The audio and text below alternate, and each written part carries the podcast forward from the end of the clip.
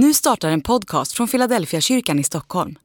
Om du vill komma i kontakt med oss, skriv gärna ett mejl till hejfiladelfiakyrkan.se. Hörrni, jag har en rubrik som jag vet att många av er emellanåt funderar på och man samtalar om. Leder andra religioner fel? Och då tänker ju någon av er, nej men kristendomen är ingen religion. Jo, låt oss säga det nu då. Det är ju ett system av tro med vissa bestämda uppfattningar, vissa riter, en bestämd etik. Om man jämför kristendom, islam, judendom, andra typer av religiösa föreställningar, vad ska man säga? Leder andra religioner fel? Här kommer mitt svar. Ja, det är min bestämda uppfattning. Det är inget jag objektivt kan leda i bevis, men så ser min egen, med åren allt fastare tro ut. Kristendom skiljer sig på väsentliga punkter från andra trosystem. Om kristendomen är sann, då kan inte de andra religionerna samtidigt vara sanna. Jag har tre områden jag brukar fundera på. Gudsbild, världsbild och människosyn. Kristendomen säger att Gud blir människa i Jesus Kristus, kommer till oss, är den som själv betalar alla kostnader för vår frälsning. Andra religioner, de jag har läst, pekar ut en annan väg som handlar om att vi ska försöka ta oss till Gud. Bilden av Guds väsen, Guds varande, så som jag har sett det skiljer sig väsentligt åt. Allt kan inte vara lika sant. Och så världsbild. Ni vet vi som lever i den här delen av världen, vi tänker ju att tiden är linjär. Att vi liksom är på väg någonstans. Andra religiösa system talar om tiden som en enda lång cirkelrörelse. Allt är ett kretslopp. Det kan ju inte både vara ett kretslopp och på väg någonstans. Det är antingen eller. Och så människosynen. Alltså gudsbild, världsbild och människosyn. Vem är jag? Hur är vi? På så väsentliga punkter skiljer sig kristen tro från andra religiösa system. Jag tror att många av er som är här, ni som lyssnar, möjligen någon gång har mött folk som säger, nej jag tror att man återföds, själen vandrar vidare, även det är ett kretslopp. Medan vi ju tror att man lever en gång, ställs inför Gud, uppstår från de döda, inte vandrar runt runt. Nej, bägge kan inte vara sanna.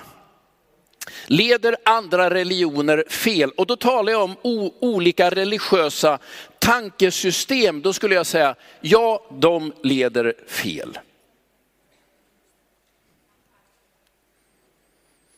Men nu ska jag läsa en berättelse som ni alla känner till ifrån Matteusevangeliets andra kapitel. Om man har chans en gång per år, tänker jag med den här berättelsen, och jag försöker ta den varje år.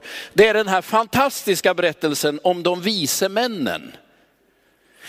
De kallas inte visa män i den nya bibelöversättningen, men jag säger det för jag är uppvuxen med det språkbruket. Eh, det står inte att de är visa män, även om man nu hoppas att det någonstans i världen ska finnas män som är visa utan de kallas mager, grekiska. Från vilket ord vi nu har det engelska ordet magicians eller svenskans magiker. De företräder något helt annat än bara allmän visdomslära, men de dyker upp i Matteus andra kapitel. Och den berättelsen vill jag läsa för dig nu. Matteus kapitel 2, vers 1 till 12. När Jesus hade fötts i Betlehem i Judeen på kung Herodes tid kom några österländska stjärntydare. Lägg det på minnet. Några österländska stjärntydare. De kom till Jerusalem och frågade, var finns judarnas nyfödde kung? Vi har sett hans stjärna gå upp och kommer för att hylla honom. När kung Herodes hörde detta blev han oroad och hela Jerusalem med honom. Han samlade alla folkets överstepräster och skriftlärda och frågade dem var Messias skulle födas. De svarade i Betlehem i Judeen.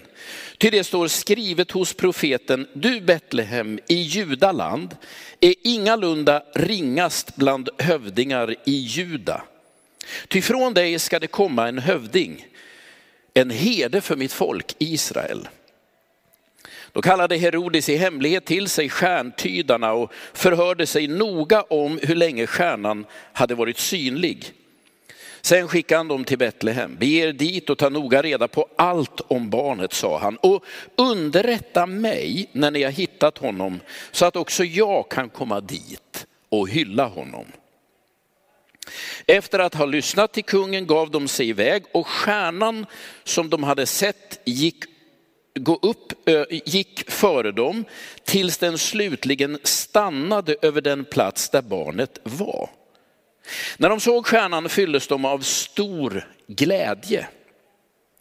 De gick in i huset och där fann de barnet och Maria, hans mor, och föll ner och hyllade honom. De öppnade sina kistor och räckte fram gåvor, guld, rökelse och myrra. I en dröm blev de sen tillsagda att inte återvända till Herodes och de tog en annan väg hem till sitt land. Vi har firat 13 helgen. Det är den helg på året då de österländska stjärntydarna brukar vara huvudpersoner. Och nu är det första söndagen efter 13 helgen jag vill dela den här berättelsen. Och jag har tre saker som jag bara vill peka på utifrån den här berättelsen. Leder andra religioner fel? Det är frågan och mitt svar var ja. Men så dyker de här upp. Österländska stjärntydare. Vad ska man dra för slutsatser av den här berättelsen? De tillhör inte judafolket, de har inte tillgång till de här bibliska texterna. Allt pekar på att de har ställt ett horoskop och navigerat efter det. Och hittar fram till Jesus. Det är mycket förbryllande. Tredje Mosebok kapitel 18, 19, 20 finns ett antal texter som mycket tydligt stänger och bommar och sätter varningstrianglar för all form av spådomskonst, siande och, och, och siktande mot stjärnorna. Det är ingen väg till Gud. Det finns fler texter i gamla testamentet, men det är solklart på alla punkter att tro att vårt öde styrs av stjärnornas ställning eller himlakropparnas förflyttning över himlen. Det är inte aktuellt. Himlakroppar och stjärnor är skapade av Gud, det är ting, inte levande varelser, inga andeväsen. Gud är levande, men materien är skapad av honom. Och Bibeln är väldigt tydlig. Om du någon gång undrar den här vetenskapliga mentaliteten som vi lever med i västvärlden, var kommer den ifrån? Den kommer ur de bibliska berättelserna. Som tydligt gör en distinktion mellan det skapade och skaparen. Man kan, man kan dissekera verkligheten, man kan analysera den, matematiskt försöka beskriva den. För det är en skapad värld. Men så kommer ju den här berättelsen, den hör inte hemma i Bibeln, förlåt mig, det gör, den är ju här. Och alla ni som där hemma fortfarande har den här krubban med Jesusbarnet och Maria och fåren. Jag är med hela vägen, men de här vise männen, österländska stjärntydarna, de är ju bibelvidriga. De borde bort. De har ställt ett horoskop och navigerat efter stjärnor. De har inte koll på, på Bibeln. Men de hittar ju fram till Jesus. Jag får problem med mitt första svar. Leder andra religioner fel? Ja. Men hur ska man då förklara den här berättelsen? Min första punkt nu. Gud kan leda alla människor efter deras egna förutsättningar. Gud kan leda alla människor efter deras egna förutsättningar. Det betyder inte att deras förutsättningar är riktiga, men Gud kan använda vad han vill, när han vill, för vem han vill. Födelsekyrkan i Betlehem är ju en av de äldsta kyrkorna, om inte den äldsta kyrkan, som är bevarad i Israel. Det var nämligen så att när perserna invaderade Israel 614 efter Kristus, alltså innan islams framväxt, så rev de alla kyrkor de kunde komma över i Israel. Alla kristna monument revs ner utom födelsekyrkan i Betlehem. Och skälet var att det fanns en mosaik över ingången till födelsekyrkan i Betlehem.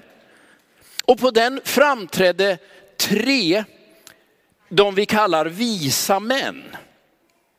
Ni vet, de österländska stjärntydarna klädda som mitrapräster.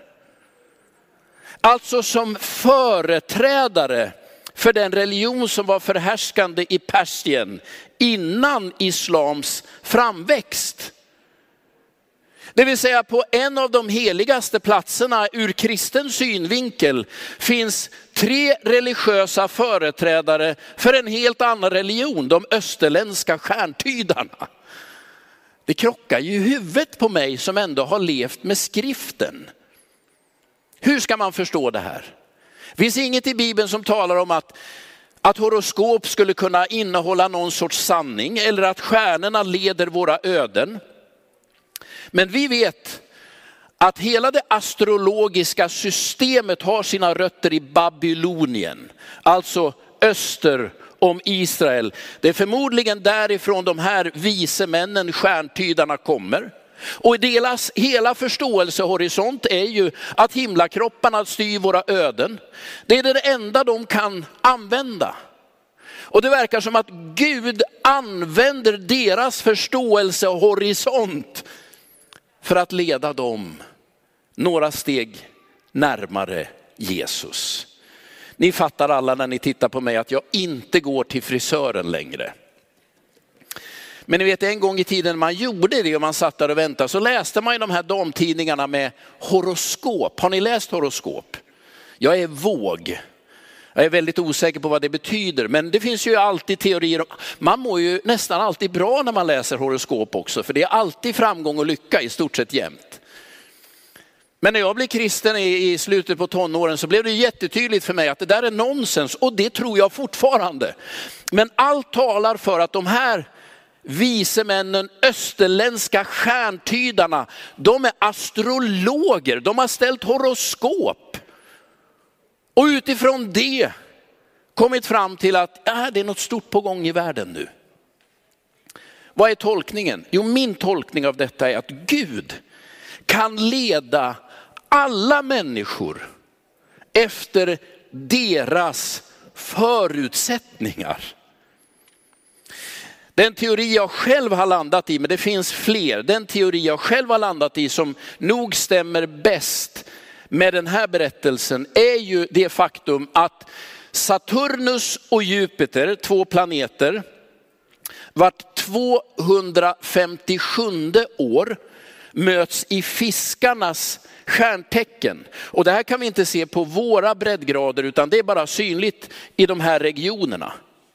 Och då vet vi när man har studerat de babyloniska astrologiska tolkningsmallarna att Saturnus representerade området Syrien. Jupiter, den största planeten, representerar en världshärskare.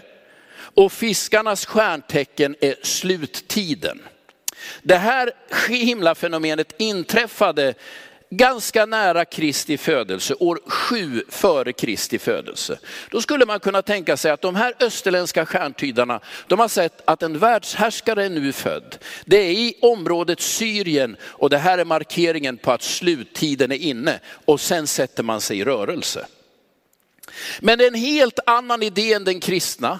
Det är helt andra förutsättningar. Ändå framstår det ur den här berättelsen som att Gud använder de förutsättningar just de här människorna har för att leda dem på rätt väg. Leder andra religioner fel? Ja. Är, är människor av annan religiös tro alltid på väg åt fel håll? Nej. Det är två olika saker. Jag har berättat några gånger om att, eh, att under min tid i Göteborg så kom det rätt mycket folk eh, en period till, till kyrkan där jag arbetade. De var spiritister. Och jag hälsade på dem och så sa de, eller jag frågade vad, vad är det som gör att ni kommer hit? Jo, sa de, det, du har en grön aura. Om jag har någon aura nu så beror det nog på lamporna här bakom mig, men det fanns inga lampor bakom mig där och då. Men de sa, du har en grön aura och det betyder att du har helande krafter. Och därför är vi, jag sa bara tack. Tog det som en uppmuntran och inbjöd dem till en alfakurs. Vilket ledde till att flera av dem kom till tro på Jesus. Det vill säga första steget de tog byggde ju på helt andra förutsättningar än den kristna tron. På en världsbild och en, en, en gudsuppfattning som jag inte delar. Men istället för att säga det där är helt fel, ni har totalt missuppfattat allt, så tackade jag. Och det ena ledde till det andra, vilket så småningom förde några av de här till tro på Jesus Kristus. Jo, andra religioner leder fel, men andra människor med annan övertygelse är inte alltid på väg åt fel håll. Förstår ni skillnaden? kommer min andra punkt. Gud vill leda alla människor till Jesus. Det blir ju så tydligt i den här berättelsen. Vart är de här männen på väg? Till Jesus. Och du som sitter här eller du som finns hemma och tänker, vad vill Gud med mig 2022? Det kan jag svara på. Han vill leda dig till Jesus. Om du är som jag och tänker, men där har jag varit, han vill leda dig dit igen. Och vi som brottas med, ska jag byta jobb, behöver jag gå in i en ny relation eller ska jag börja träna eller ska jag magra av eller ska jag bli tjockare? Ni vet allt det här vi brottas med. Vad vill Gud? Jag är inte säker på att det finns så detaljerade svar på alla dessa frågor, men en sak vet jag och det är att Gud vill leda dig närmare Jesus. Ni hörde min hackiga hälsning här till Eliakim Nirikana i Burundi. Jag har varit där, ska åka dit igen. Och det är ett fantastiskt land att besöka, men när jag varit där några dagar så börjar jag alltid längta hem. Och, och ska jag vara ärlig så längtar jag nog mest efter Helena, det är min fru. Och efter det så längtar jag efter mina barn, faktiskt i den ordningen. Och efter det längtar jag faktiskt också efter de två hundarna. Livet är märkligt. Men det jag längtar efter, det är att få vara tillsammans. När man har varit ifrån varandra över en lång tid så är ju den stora längtan att bara få vara tillsammans. Ja, vad ska vi göra? Det är inte det viktiga. Vi får vara ihop igen. Vi kan äta tillsammans, vi får tid att prata tillsammans, vi kan gå en promenad tillsammans. Vi kan göra många saker, men det man längtar efter är att få mötas. Känner ni igen det här? När vi brottas med Guds vilja så brottas vi ofta med, vad ska jag göra? Ska jag göra det eller ska jag göra det eller ska jag göra det? Det Gud längtar efter är att bara du skulle vara i hans närvaro.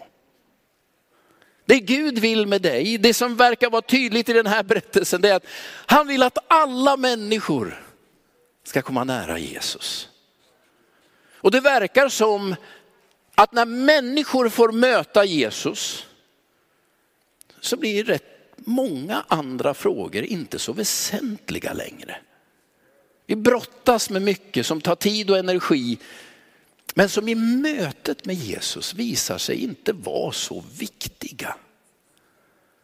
Gud vill att alla människor ska möta Jesus. Det jag gillar med de här österländska stjärntydarna är ju att de inte verkar vara jag-svaga individer. Det här är inte några missbrukare på väg till avgiftning. Det här är inte några tonåringar som söker efter sin identitet. Nej, nej. Det här är förmodligen välbemedlade, rika, oerhört utbildade, prestigefyllda människor. Men de behöver Jesus också. Och när jag läser det här så tänker jag på den stad vi lever i här i Stockholm.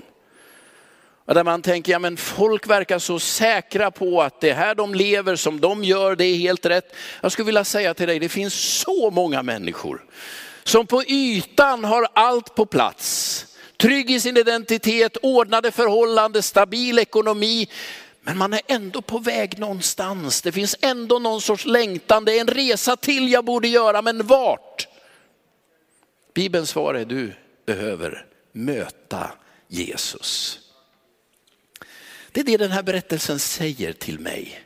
Var de börjar sin resa är en sak, men vart de slutar den, det är det viktiga. De hyllar Jesus. Det är på något sätt resans mål för de här männen. Alltså Gud kan möta människor precis där de finns. Och Gud vill leda alla människor till Jesus. Därför tänker vi under det här året som kommer,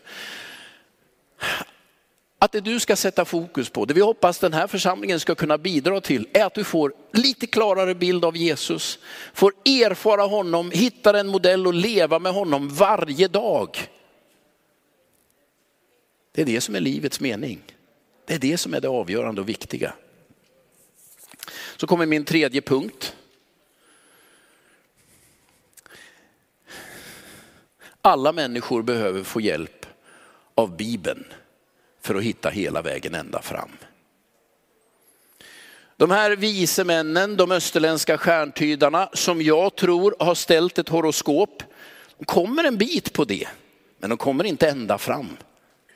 De kommer till Jerusalem som är en av städerna, de här maktcentrarna i Syrienregionen som ju Saturnus handlade om. Och nu söker de efter en härskare, vart går de? Till Herodes hov, var är barnet?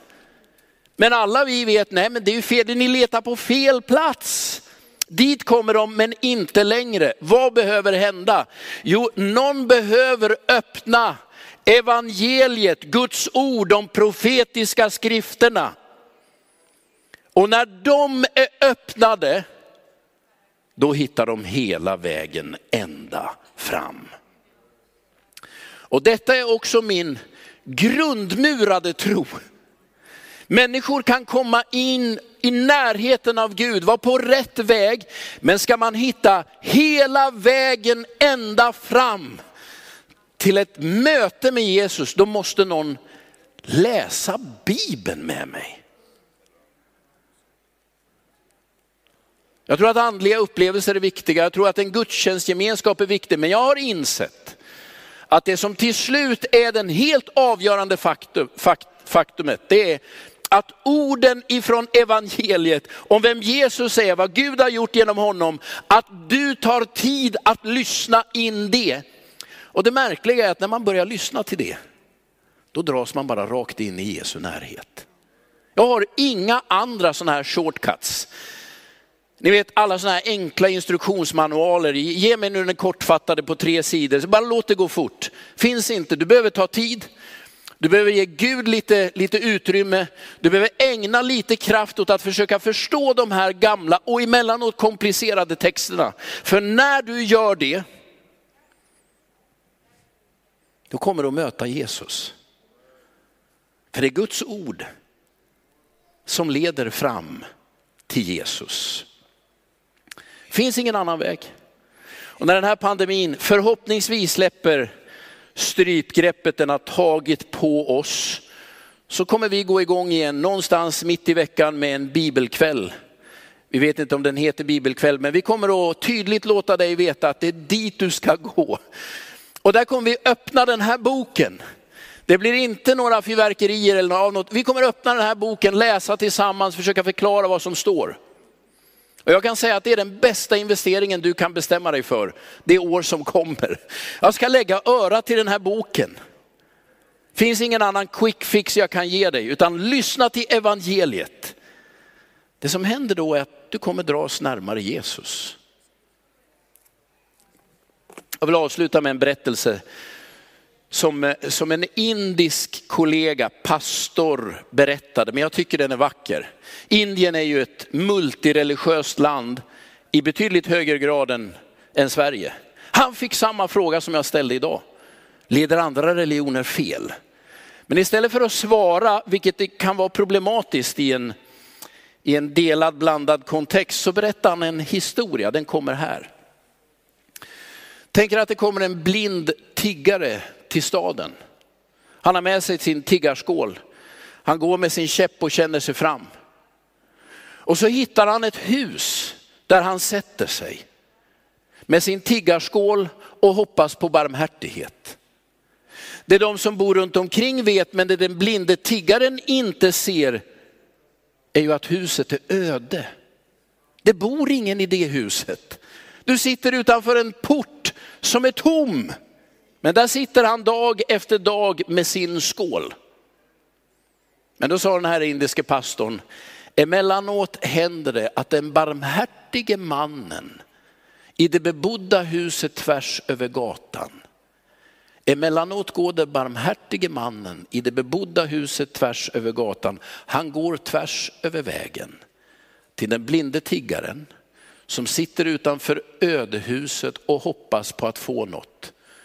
Och så lägger han något i hans skål. Så tänker nog jag om Gud också. Den Gud jag tror på är en barmhärtig Gud som kan möta människor även om de har satt sig utanför ett ödehus.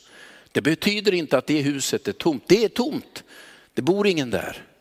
Men Gud möter människor där människor finns. Det han vill är att leda dig till Jesus. Och för att du ska hitta hela vägen ända fram så behöver du lyssna till evangeliet.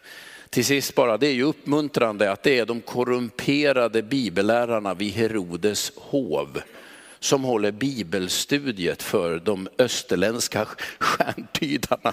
Alltså här har du då främmande religion och korrumperade religiösa ledare. Verkar ändå som när man väl öppnar Guds ord så har det ordet i sig själv sån kraft att det leder rätt. Även om bibelstudieledaren inte är pålitlig, är inte det hoppingivande. Så även om du tänker, ja den där Pienso, det är tveksamt om man kan tro på honom. Du, så länge vi öppnar den här boken tror jag du kan vara rätt trygg. Nu ska vi strax be tillsammans.